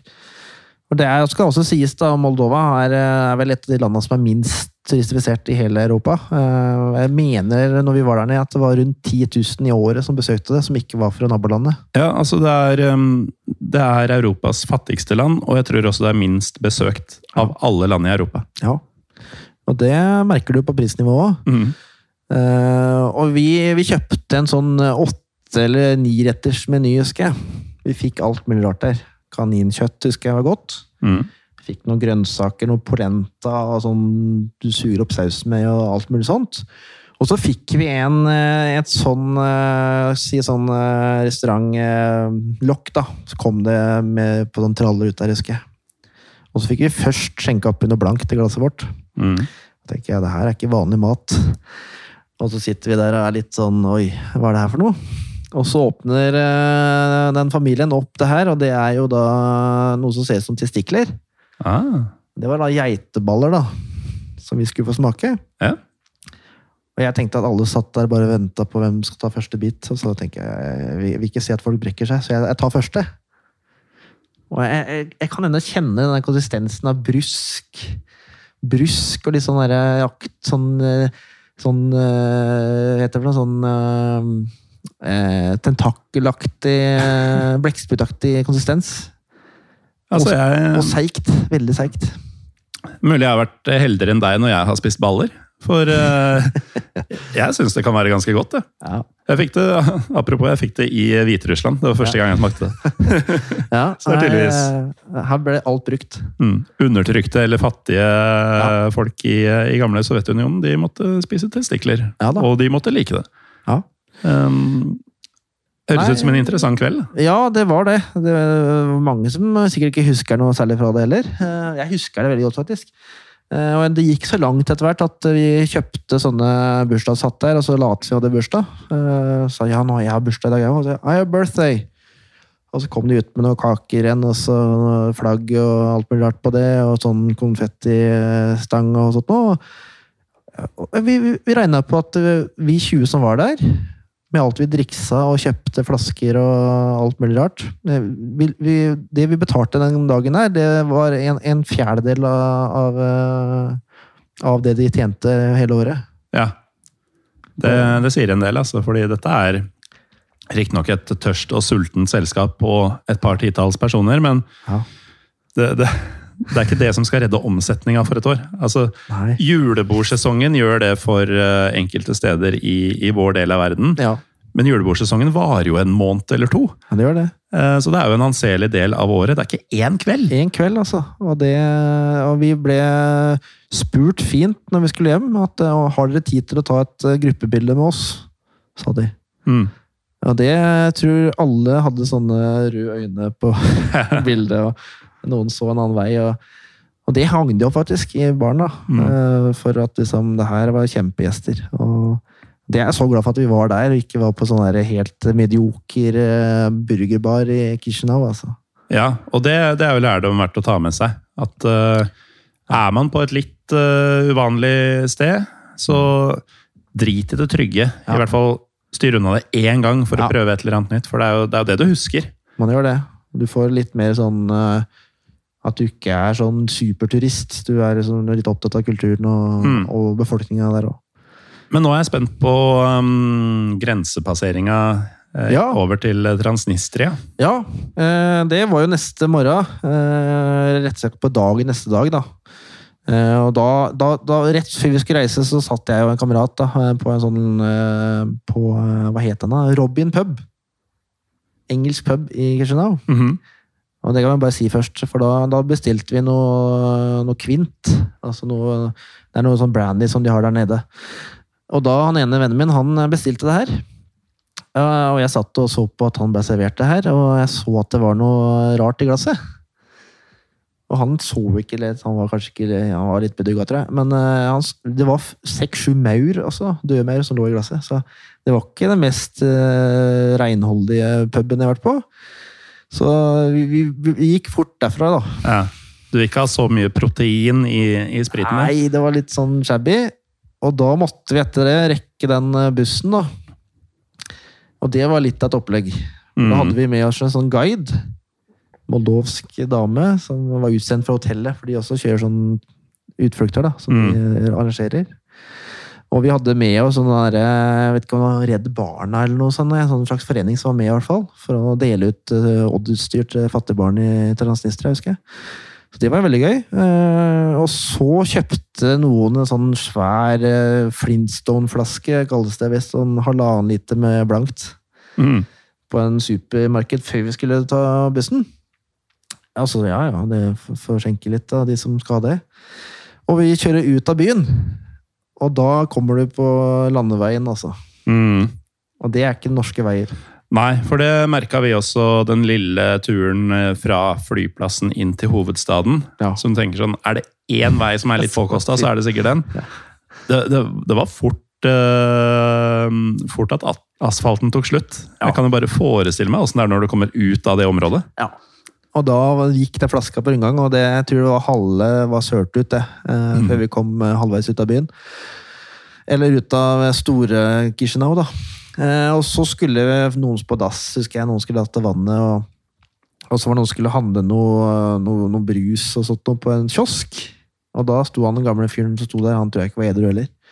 Han sto der, og så nei, nei, no, no, no. Og så måtte han bare ut en tur først, før vi kunne ta betaling, da. Og han bare gikk rett ut av døra bak der han sto, og så slapp han ut vannet sitt. Mm. Og tenkte, ja, og så gikk han rett inn, inn i kassa, uten å unnskylde seg eller uh, vaske henda. Jeg bare legger på det jeg har. Jeg vil ikke ha noe igjen her. Nei. Og det var, off, det var nasty. Eh, Og så kjører vi videre. Det er ca. 1 12 time ned til grensa. Og da ser vi at det begynner å bli eh, stort oppbud der av politi. Og skinheads, kan du si, da. Med, med hammer og sigd på brystet. eh, På uniformen. Kommunist-skinheads, rett og slett. Ja, og det, de kom jo inn i bussen med gevær og fullt utstyr for å sjekke pass. Mhm. Og de ehm, Jeg har hørt litt, eller lest litt historier sånn om både at man må betale dem og alt mulig. Åssen gikk dette her? Eh, Det slapp vi. Mm. Men det tok lang tid å skulle sjekke alle. Eh, Og jeg hadde en annen sveis den gangen der, husker jeg. På det bildet mitt, da. Eh, Det tok litt tid for å få meg gjennom, faktisk. Ja, det har jeg opplevd også. Ja, det er litt sånn ekkelt. Eh, Mm. Hva skjer hvis ikke jeg kommer med her? Ja. Så tips til lytterne. Lign på passbildet ditt. Ja!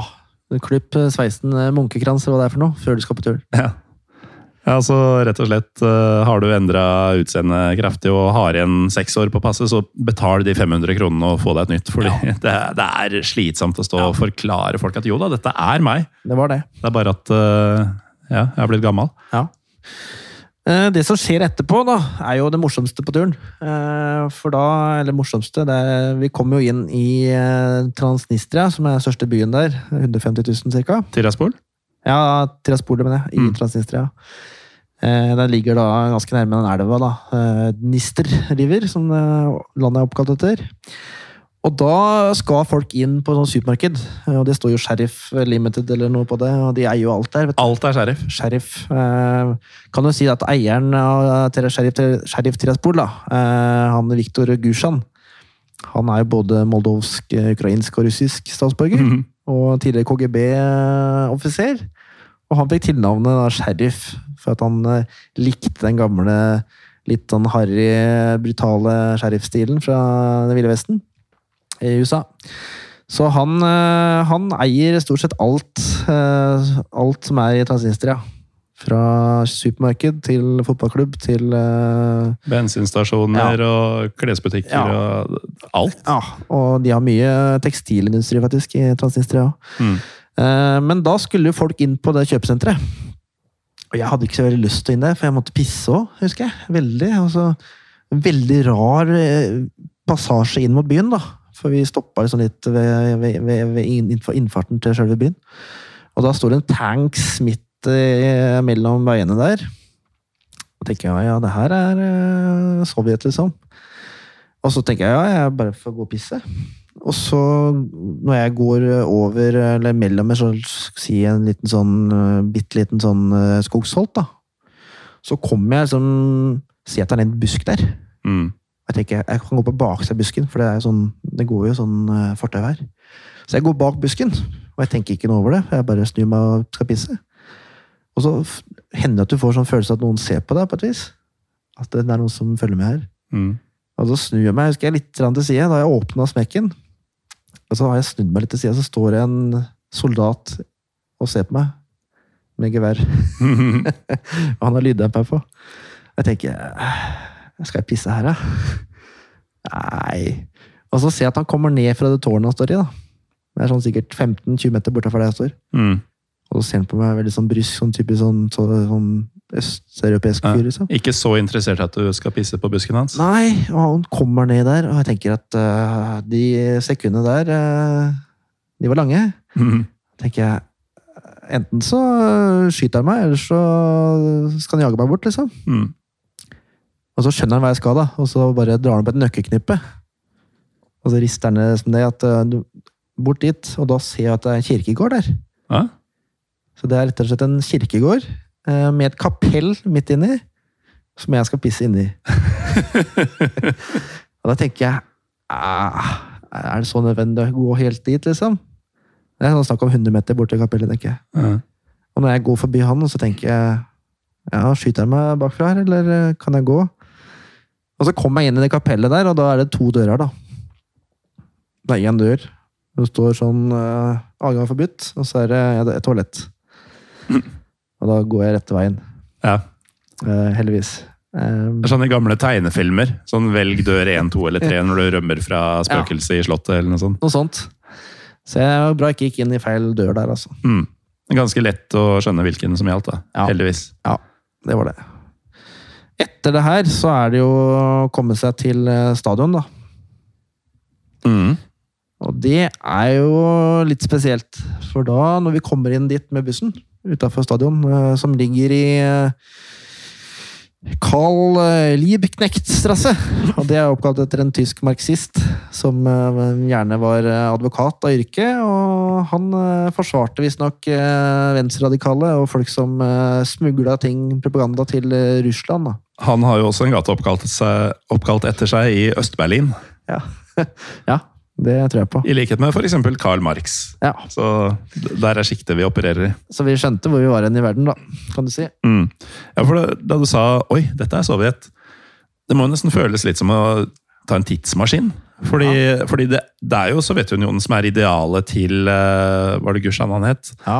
Um, og, og liksom med den der ekstreme fattigdommen og, og, og militarismen da, som gjennomsyrer samfunnet i Transnistria. Det må jo være litt sånn derre ja. For oss som ikke opplevde den kalde krigen ordentlig, Mm. Uh, det nærmeste du kommer i dag. Ja, det vil jeg si. Uh, og når vi kom dit, så var det jo, så vi en hel haug med barn som var kledd i Odd-tøy. Og tenker jeg, det var, spurte vi som uh, han fra Redd Barna der, at er det noe, er det, er det transnistriske barn, eller? Og så, ja, ja, det er eh, barnehjemsbarn som skal på kamp for første gang, som aldri har vært på kamp. Og da, da ble jeg litt rørt, altså. Mm. For jeg så den gleden de hadde når de fikk på seg tøy. Altså, det var ikke hjemmelaget, men det var de, de fikk på seg supportertøy og caps og skjerf, og de, de var glade, altså. Så det var stort. Ja, det, det tror jeg på. Eh, og så på en måte eh, motpropaganda i deres egen hjemby. da. Ja, Det var det. Eh, videre etter det Kampen er vel jeg mener kampen var rundt sju om kvelden i, i, i Transnistria, eller Trespol, og da begynte det å bli mørkt. Mm. Eh, tidligere mørkt der nede. Eh, og vi kom inn der, eh, Det var jækla vanskelig å komme inn i, på tribunen, faktisk. Fordi de sjekka jo alt. Det var nesten som oppe i Molde. De skulle liksom sjekke alt. Vi slapp heldigvis å bli tatt i buksa, men mm. vi kom oss inn. Og så da møtte vi på noen politifolk der, med sånn sovjethatt og, og sånn hamrende sigd på, på tøyet. Og de tror jeg var russere, da. For de har en del russiske soldater som styrer Transnistria. Mm. Og så sa han politifyren, som han kunne litt engelsk, da. Så sa han at uh, I buy beer for you. You not buying beer. Og så, å ja. Ja, ok. Og vi er jo 20 stykker, og vi tenker vel at vi kjøper alt med en gang. Ja. Så vi kjøpte et brett hver, da. Med fire-fem øl på. Og han tok seg jo da betalt for det. Og han skulle ha litt driks, da. Lite grann. Han skulle ha litt driks. Transnistisk rubbel. Mm. Det var kul seddel, synes jeg. Så han skulle ha driks. eh, Han eh, var ikke noe klage på det. Han sto der med gevær, liksom. Så ja, ja. Og så bare å betale, da. Og han gikk én runde. Vi var der inne en time før kamp. Han gikk en runde til. Han gikk så mange runder, han fyren. Jeg tror han ble rik jeg, på, eh, på, på det der eh, opplegget der. Og vi står der og vi begynner å hoppe litt, ikke sant? vi som er der, eh, varmt, eh, vi synger og lager liv inni det buret vi står i. Ja. Det et lite bur bak, eh, bak målet der. Og det, det, det er kliss overalt, husker jeg. Veldig mye øl som midt i spillet der. Og han står og ser på oss hele tida og bare venter på neste oppdrag. Og så er det en fyr som kommer bort der og skal tenne seg en sigg. Mm. For det var lov. Det var ikke noe problem. Og han hadde kjøpt da sigg i Transnistria. Sheriff-sigarer, eller sheriff-sigaretter. Og han fyrer den opp ved siden av meg. Og han tar ett blås og knekker hele greia. Ja. Bare faen, for dårlige sigaretter. Men sheriff-sigaretter, altså Selvfølgelig er det Sheriff tobakk, eh, tobakkfabrikk også. Ja. Nydelig. Så de driver med en del illegalt også, visstnok. Han Gushan, da. Han, Visstnok eh, Det lite grann. er litt eh, shipping over til Odessa, den der havnebyen i Ukraina. Ja. Så de shipper ting. Ja, nei, det, det er jo Det må jo være den mest shady delen av hele Europa, antagelig. Som det har vært i her. Det kan ha vært det, altså. Um, men dere, dere kom fra det med både liv og lemmer i behold, holdt jeg på å si. Ja. Og du, du sitter jo her og forteller om det, men, uh, Ja. men åssen gikk uh, matchen? Jo da, eh, vi hadde jo fått eh, Bentley satt jo fast eh, på Kishinau Airport. Fordi eh, passet hans ikke hadde blitt behandla ordentlig Nei. som nigerianer. Så var visst det litt lengre eh, tid. Mm. Og jeg innbiller meg at det kanskje er litt rasistiske, litt rasistiske der nede, da. Så var eneste ikke fikk eh, passet sitt behandla i tide. Ja, men Har man ikke hørt litt sånn uh, historier ellers òg? At det er liksom nøkkelspillere som blir sittende fast Ja. i toll og sånn for Eh, flere klubber? Jeg tror det har noe med det å gjøre òg. Mm. Men han, eh, der fikk Odd eh, forhandle seg fram eh, med ambassaden i Bucuresti, faktisk. At de fikk ringt eh, og fått ordna opp i det her. Mm. Så han kom ned en time eller to før kamp. Eller to-tre timer før kamp. Og han skårte etter to minutter. Ja. Og da sa han etter ettertid at han var så tent på å vise seg fram her nå.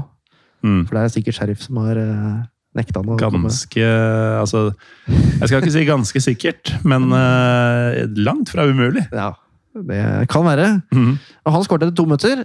Og da, da, da husker ikke jeg noe av feiringa på tribuna, men det var gøy. Mm. Men eh, det gir seg jo ikke, for eh, vi er jo underdogs. Eh, Og det tar ti minutter, så er det 2-0. Mm. Da er det Frode Johnsen faktisk som skårer. Ja. Evig Johnsen. Eh, Og da begynner vi å lukte litt sånn at eh, kan det bli en, eh, en upset her? Kan det bli en liten bombe? For dette var match én, eller? Match én, ja. Mm. Eh, Og Sheriff kjører jo kampen etterpå. Men det ble, ble 0-3 òg, på corner. Steffen Hagen. Og da tenker vi det her, eh, nå skal vi, nå skal vi bestille mer av han der på Difford. Når han kommer på jobb. Så vi fikk uh, utrolig mengder med, med, med drivstoff som kom til tribunen. Uh, og han var ikke så jævlig blid i dag, da, for da var det 3-0. Uh, men det gikk gøy, og, vi sang, og så ble det helt stille på andre sida der. og du kan jo si fansen til Sheriff er jo veldig sånn russervennlig, da. Det er jo, Ja. De synger Russia, Russia på kamper og sånt noe. Mm. Og oppi hjørnet der sånn, så er det en hel kontingent med russiske soldater. da, eller transnistriske soldater som står og ser. Så det er, det er ikke bare Wermansen som er der. Uh, ja, det, kampen går jo sånn som den går. Uh, Odd rir av presset etter pause og vinner 3-0. Eh, Det var jo en kjempeodds på at det skulle bli 0-3 der. Så da tenkte jeg jeg at her må vi booke et jur til neste runde. Mm -hmm. Ja, og da kom dere også ut fra Tiraspol og Transnistria Ja. samme kveld? Ja, det, det var litt eh, opp og ned, altså. For da, etter kampen For de var vel ikke så fornøyd med dere eh, etter at dere hadde kommet og massakrert eh, gutta deres? Økonomisk var de nok fornøyd med at vi hadde lagt inn penger, men ja. de tenkte nok at de gikk glipp av en del millioner og ikke går videre, ja. Mm. Vi turte ikke kjøpe noe etterpå, men når vi kom ut av stadion, så var det en som kom inn i bussen. Og så sa han at eh, ville kjøpe noe supporterutstyr? For kjøpt ikke før kamp. Eh, Jeg hadde ikke på det da.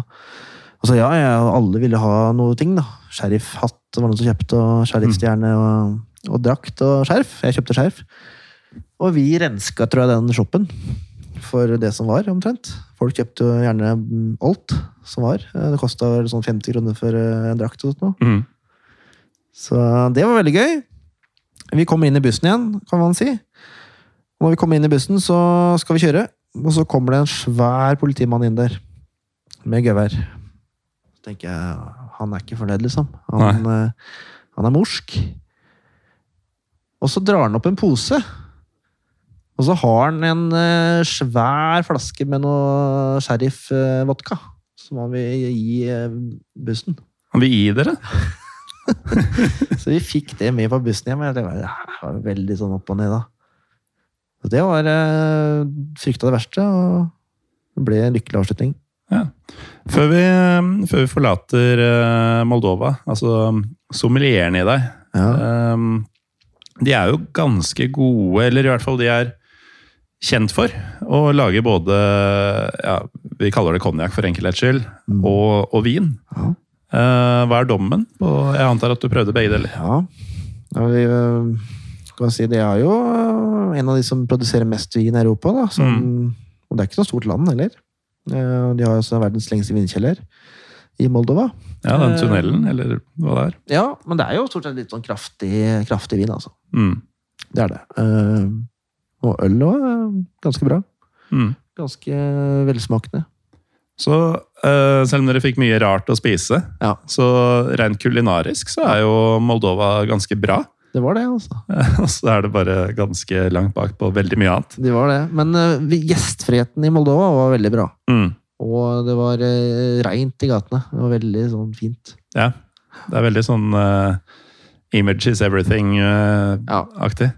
Men når vi kom hjem, skulle vi bare egentlig ta og legge oss. da. Altså, vi var ute på en liten bar først, da, og da Det som man ikke vet helt der nede, kanskje, er hvis du bestiller eksempel en drink, da, så blander jeg ikke bartenderne ut for deg.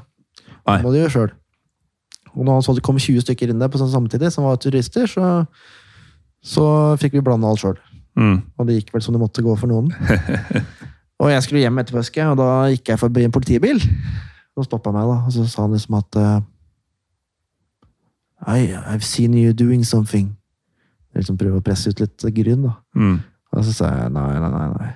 Og så bare gikk jeg bare. Og så ja, tenkte ikke noe mer på det. Så de, de fikk ikke noe enkelt bytte der. Nei, det, det skjedde bare ikke noe mer. Det skjedde ikke noe. Nei. Så jeg kom meg trygt hjem uten å svi av noen gærninger. Så hvis eh, østeuropeisk eh, snut eh, tar tak i deg på kveldstid i et Ja. litt uh, underutvikla land, Ja. så bare si nei og gå videre. Ja. Bare sånn no, no. Og så går du. Ja. Og så er det lite lys der òg. Lite lys i Kishinev også. Mm. Det er ikke så, det er ikke så opplyst uh, i gatene. Nei, det er ikke så opplyst uh, på flere vis. Um, en slags eh, strak motsetning må være kveldens eh, siste destinasjon, uh, Tor Erleng, hvor dere um, har jo blitt mobba for eh, hvordan eh, Odds eh, sosiale medier har håndtert denne motstanderen eh, i tida både før, under og etter. Ja. For dere hadde jo eh, antagelig deres livsopplevelse, i hvert fall i en omgang. Vi hadde det. Eh, kanskje flere. Eh, da dere møtte selveste Borussia Ja. Dortmund. Det gjorde vi. jeg kan si Foranledningen til at det ble Dortmund, eh, var at vi slo ut Elfsborg først. Eller etter Moldova så slo vi ut eh, Shamrock Rovers fra Irland. Mm. Og så slo vi ut eh, Elfsborg fra Sverige. Og så var det trekning dagen dagen etterpå, husker jeg. Og da satt jeg med det jeg har her i posen. Lakrisbåter. Ja. Og det har blitt en sånn slags sånn tradisjon. Hvis jeg skal på tur, så har jeg alltid med meg det her. Og det kan jeg åpne på nå. Ja. Nå eh, sitter altså Tor Erling og åpner en pose med lakrisbåt her. Bare å ta. Jo, takk. Det er ikke helt min kapati. Jeg har jo min egen uh, lakris under bordet her, faktisk. En litt Oi. hissere variant. Som heter- Finsk, eller? Uh, den er uh, svensk. Svensk, ja. Og går for å være sånn bortimot verdens salteste lakris. Oi, oi, oi. Så hvis du vil ha en liten eksplosjon i munnen, Det kan vi se på etterpå. hvis det er lov å si, så er det bare å ta. Ja. Nei da, eh, jeg eh, poppa meg en pose med lakrisbåter, som jeg er glad i. Og noe jekka noen, eh, noen, noen flasker. Mm. Og så satt vi og så på trekninga. Eller jeg, da. Og da ble det Dortmund, gitt. Mm. Gult og svart igjen. Gult og svart. Og det var jo surrealistisk, da. Litt mer feiring da enn da dere trakk sheriff. Det var litt mer feiring, og da tenkte vi her blir det full stadion for kanskje første gang i historien. Og det ble det jo. Mm. Og det jeg først tenkte på, var jo at jeg må få billett. Og Jeg var sesongkortholder, da, så det var ikke noe problem å få én billett. Det gikk greit, det. Til 400 spenn. Eh, Men nesten det første etter det igjen var jo å få booka seg fly til Dortmund. Ja. Og det, det, det skal jeg på, tenkte jeg da. Og da ringte jeg noen kamerater, og vi fikk ordna en sånn gruppe som reiste sammen. da. Eh, Men det kan jeg ta etterpå. Men eh, bare, bare si litt om den hjemmekampen først, sånn kort. Mm. Da var det jo eh, Dortmund ville jo egentlig spille på Ullevål for å fylle hele bortsida med fans. Eh, Odd hadde sikkert trukket en del folk dit òg, men eh, det ble hjemme. Og da kom jeg jeg, til stadion, og da så jeg en haug med The Unity, da, eh, Dortmund-fans, som drakk øl på gata. Og politiet sto bare og så på, og tenkte at ja, er tyskerne, vet du, de har en annen kultur, de. Så jeg tenkte at ja, vi får uh, poppe en, vi òg, da. så det var ikke noe problem med det. Uh, og vi kom inn der vel en time for kamp, tenker jeg. Halvannen time, kanskje. For å lade opp liksom, og synge og flagge og gjøre ting. Og nå er vi i Skien. Vi er i Skien, så det så ut som at vi kunne vært i, i Køln. Liksom. Det var kjempebra trøkk. Um, og jeg husker når kampen ble spilt i gang, så var det jo Du har jo Dortmund-laget liksom med Kagawa, Miktarian og det var uh, Ja, hvem var de andre som var der? Han Aubameyang, blant annet. Tenkte Mm. det her blir jo stygt. Det her blir helt vilt. Og så ser du at det tar tolv sekunder, vel, så er det 1-0. Og ikke til dem. Nei. Det er et Odd, altså. Med Mm. Samuelsen. Og da husker jeg jeg tok av meg drakta husker jeg, i ren eh, galskap, og den fikk jeg igjen i pausa. For den hadde kasta så langt bakover at det var ingen som så hvem som hadde kasta den. Så det var surrealistisk. Ja. Og mer eh, surrealistisk eh, skulle det bli. Ja, det blei både to og tre. Eh, 2-0 husker jeg var eh, Nordkveldet som kom gjennom. Da sto stadion ganske godt i, i kok, altså. Mhm. Eh, men kampens høydepunkt var nok 3-0.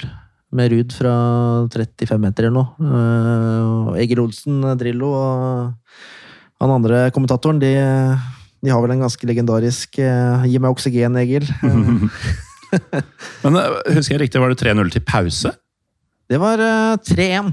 3-1 til pause. Det var ble 3-1 rett før pause, og da tenkte jeg at det her glipper nå. Også. Og det gjorde det. Vi ble kjørt så i stykker etterpå. Det var, jeg tror det var fire skudd i tverrliggerne når Dortmund hadde, og så Mm. ble det tre-fire, da. Ja.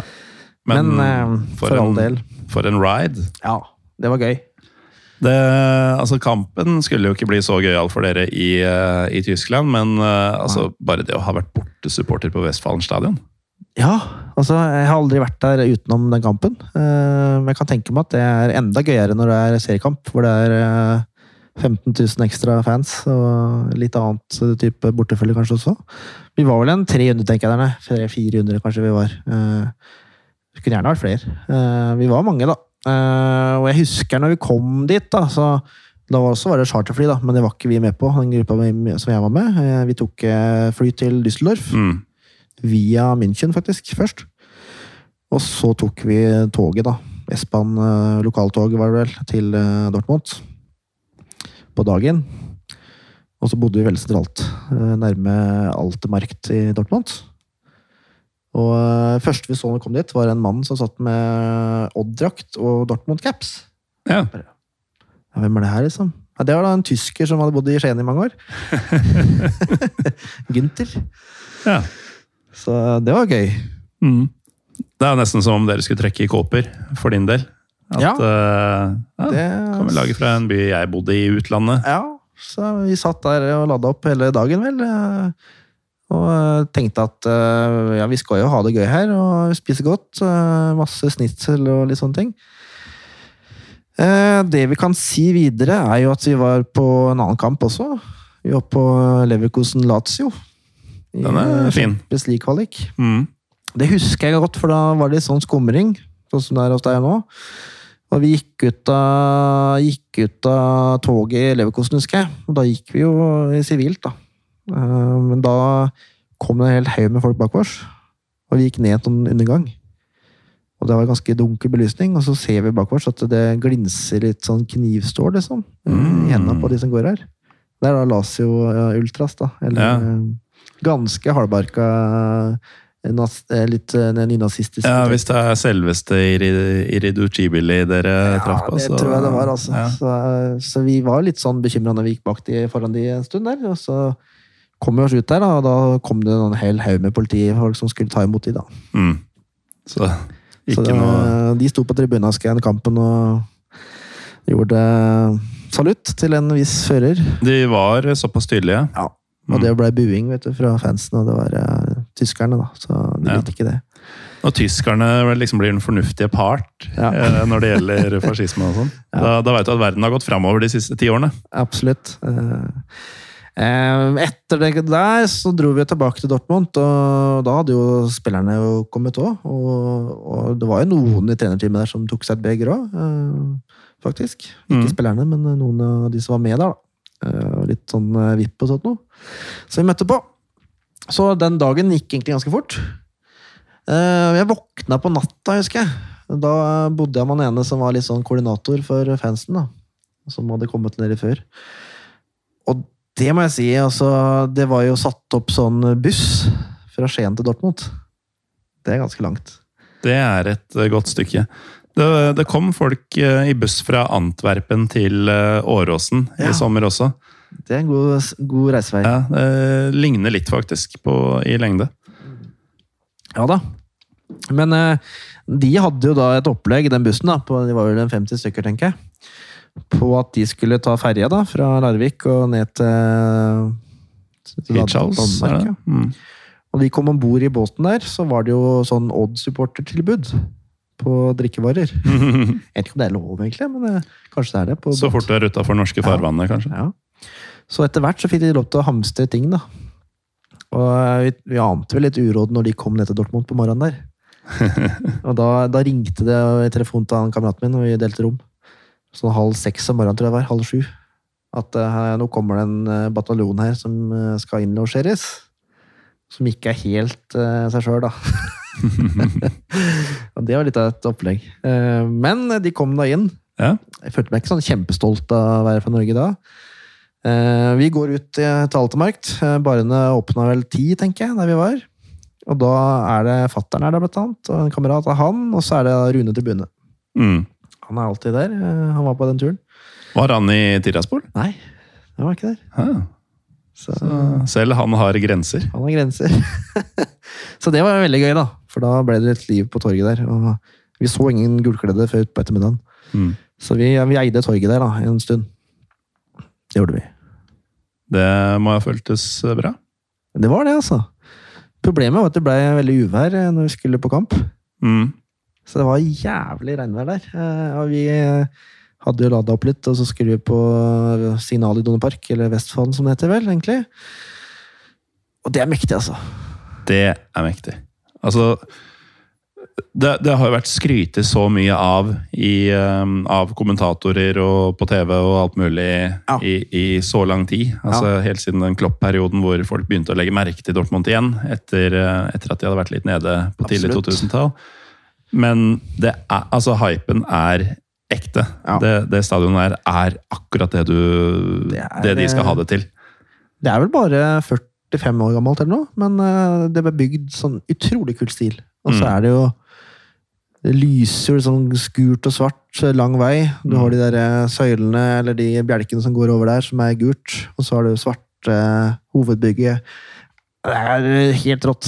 Så prata vi om Bratt stadion i stad. Eh, Da var vi på Skagerrak. Ja. Eh, Jeg har jo vært på Vestfallen stadion én gang. Da satt jeg på langsida, på ja. det som vel blir vesttribune. eh, Med utsikt over da den gule veggen til høyre for meg. ja. Vi satt eh, sånn typ seks rader fra taket. Og det var som å sitte og se altså du vet, Har du spilt Football Manager med sånn der, eh, at du kan se kampen Ja. i sånn fugleperspektiv? Sånn Google Earth-perspektiv? Da ser du godt. Det var nesten sånn, altså. Ja, Det, du så rett ned. Ja, det gjør det, det. mm, det gjør det, altså. Så det, er bare det å stå og se bort på gule veggen der, og, og være en del av kampen, da. Altså ikke bare at du er en uh, tilskuer, men at du er med på kampen som bortefan. Mm. Det, var, eh, det var rått. Så jeg tenkte at det her blir stygt, da. Ja. Men eh, Odd tar jo ledelsen 1-0. Med Halvorsen. Og da var det bare bortemålet som skilte dere. Da var det det, altså. Og da sto det liksom eh, hele tavla lyste Tor, da, og, jeg, og folk sa etterpå at eh, Tor! Bare, ja, ja. ja, det var surrealistisk, det òg, igjen. Eh, Etter det så er det jo ikke noe mye å si om eh, Det er klasseforskjell. Hva ble det? 6-1? Jeg ble 7-2. Sju- Ja, ok. Det ble 7-2, og det var Marco Royce eh, var der, og ja, det var Det var helt annen idrett. Ja. Eh, kanskje ikke helt overraskende, men jeg vet ikke, Dere forventa kanskje ikke sju i ræva? Nei, altså I hvert fall ikke når de hadde overtak fra før. Kanskje de skulle ta det litt rolig med dere. 4-5 hadde kanskje vært uh, Ja. levelig. Men det er ikke, det er ikke sånn Dortmund dreiv på i gamle dager. Vet du. Når de først hadde et lag i kne, så Malte på. ja. De hadde det. Så det ble dere utsatt for. Men uh, altså, den tok dere vel nesten bare med et smil, uh, vil jeg anta. Gjorde det. Det Mm. var ikke noe annet å forvente at, det ble, at vi røyk der. Ellers hadde vi vært i gruppespillet. Hadde vi fått et litt svakt lag og vunnet der, så hadde vært eh, tre kamper der ute. Mm. Så det var en veldig kul eh, opplevelse den 2016-sommeren. For da, da var jeg på alle borteturene. Det var eh, fire bortekamper, ja. Og, altså, det ble Dortmund, Elsborg, Shamrock Og Sheriff. Sheriff var samme sommeren, ja. Også gul og svart, er det ikke det? Ja. Så det var tre større lag som var gul og svart. Hva er det Shamrock Rovers har? da? De er grønn og hvitt. Mm. Det er ikke så mye å si om den turen, egentlig. For det var mer Nei. sånn eh, transportetappe, og det var eh, Mm. pub og Guinness. Og, Dublin-klubb? Ja, Ja. Heldigvis. det var det. Eh, Så etter kampen da, med Dortmund, så, så blei jo vi igjen der. og Måtte bli igjen litt. og vi dro i gang litt sånn Scheisse 04, og det, det var mange som eh, fikk med seg. da. Sånt er populært. altså, det var noen FC København-fans i, i Trabzon i Tyrkia Ja, som eh, Altså, når skandinaviske fotballfans drar på bortekamp i Tyrkia, så tenker man jo kanskje at ok, her holder vi en lav profil, for disse folka de har kniver. ja. Uh, nei, De dro i gang med sånn der, eh, fuck Fenerbahçe og sånn, og ble jo spandert drikke på kjempehelter. Er greit å, ikke, greit å være litt sånn Ola Pottit og, og ha litt uh, være litt sånn tilbakeholden, altså. Ja, Ikke, ikke, ikke sheriff. Litt tilbakeholden og sleng dritt om uh, deres argeste rival, så, så går ting uh, bra. Han kommer levende hjem uten å være i kiste. Altså, for, um, for supportere av lag som skal til Europa neste sommer, eksempel. Ja. Du har vært med på en del. Uh, hva vil du si til dem som ikke har vært på europatur før? Som tenker at det kanskje Nei, uh, hvis de får sheriff, da, eksempel. At de, nei, den, den blir litt sånn vanskelig og slitsom, og jeg kjenner ikke til motstanderen. og sånn, Den kan vente på neste runde, ja. som kanskje ikke kommer for øvrig. ja. Um, Nei, jeg, jeg satt jo når jeg hørte på den LSK Det var både din podkast og Har det mottak, vel? Litt sånn Europa-spesial. Hører du på det nå? Ja, ja, ja. Jeg hører på det. Da er det Trym Hogner som har en liten rant. Uh, At folk må Folk vet et år tid før at de skal i Europa. Og eh, I hvert fall et halvt år før. mm, Og da det er mange, jeg må si at det er mange, tror jeg, ganske i nesten alle norske klubber som skal på utenlandstur. Da. At det er mange som heller tar seg en bytur hjemme i, i byen sin, eller en campingtur, eller noe, og bruker penger på det i stedet for. ja. Som er fotballfans, og det skjønner jeg ikke. Det er utrolig mange tynne unnskyldninger der. Ja. Fordi det du har erfart mange ganger, som jeg fikk eh, en og en halv eh, opplevelse av nå i sommer, er Ja. at det, det er ingenting som er som å følge laget sitt uh, i utlandet. Det er gøy.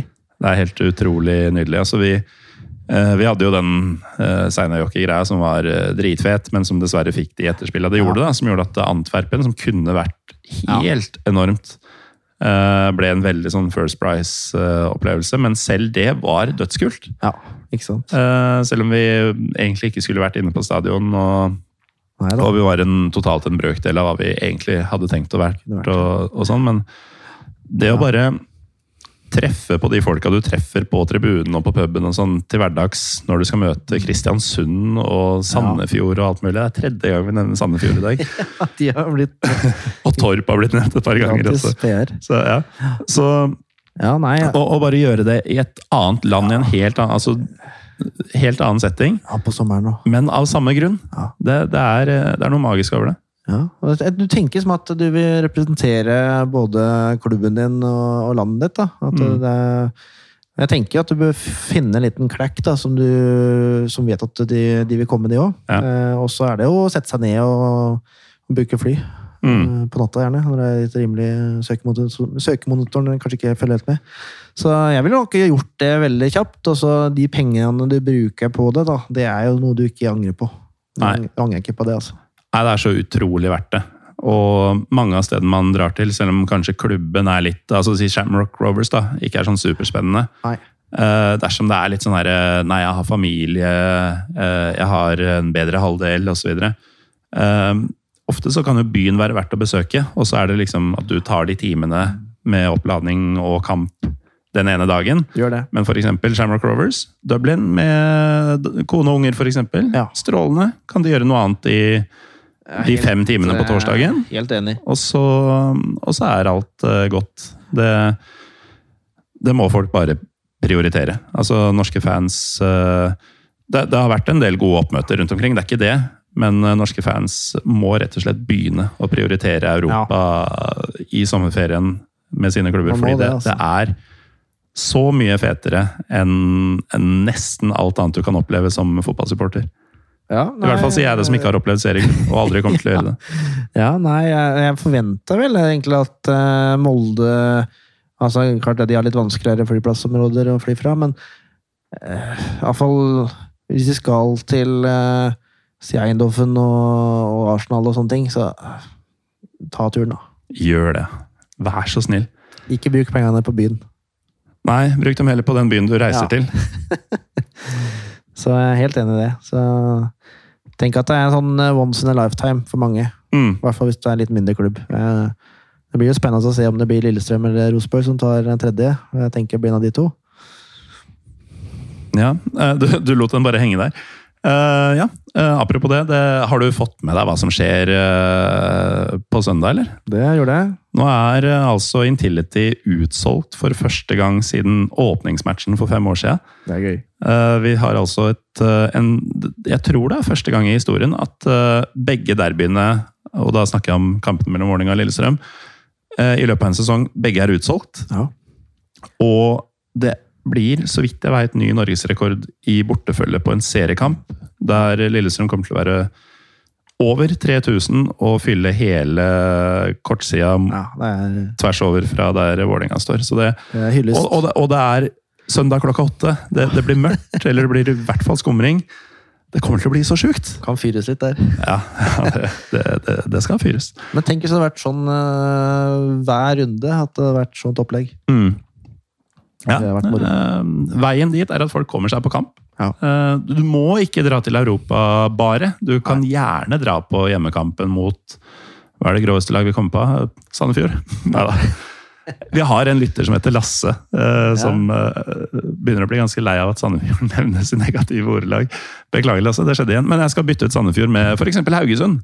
I akkurat den uh, settinga her. Ja. Dra på, hvis du er Odd-supporter, da, dra på Odd Haugesund, selv om det er litt uglamorøst og sånn. Og bare gjør det til en vane. Dra på matchene til laget ditt. Eh, få med deg flere. Etter hvert så, så kan det bli, eh, bli fulle hus litt her og der. Eh, det, er, det er en bra trend i norsk fotball nå generelt. Mm. Og den kan folk eh, bidra til å bygge videre på. Ja. Eh, Jeg tror det som skjer på søndag nå, er, eh, kommer til å være en slags uoffisiell norgesrekord i, i stemning. Så de som ikke har billett, må i hvert fall se den på TV. Jeg skal se på pub. Jeg vurderte å kjøpe bortebillett, eh, faktisk. Borte? Eh, Ja, men så Aha. tenkte jeg ja, ja, da må jeg være på sida kanskje der, da. Eh, Og så må jeg få med meg noen folk, da, kanskje. Men jeg, jeg tar puben også. Litt, Gjør det. eh, Får jeg oversikt. Ikke sant. Um, uansett, eh, vi må nesten avrunde, fordi nå har vi sittet her lenge og Ja. drikke litt øl, og blæra begynner å presse og greier. Så takk til deg, Tor Erling Hvaler Rugås, eh, for at du eh, tok turen hit til eh, min ringe bolig. Tusen takk, Morten Gallesen.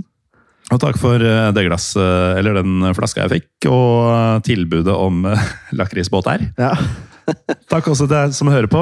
Vi er Pyro Pivopod på Twitter og Instagram, og vi er Pyro Pivo på Facebook.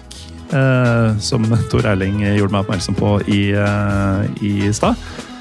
Eh, ja, det var det. Mitt navn er Morten Gallosen. Vi høres igjen i neste episode.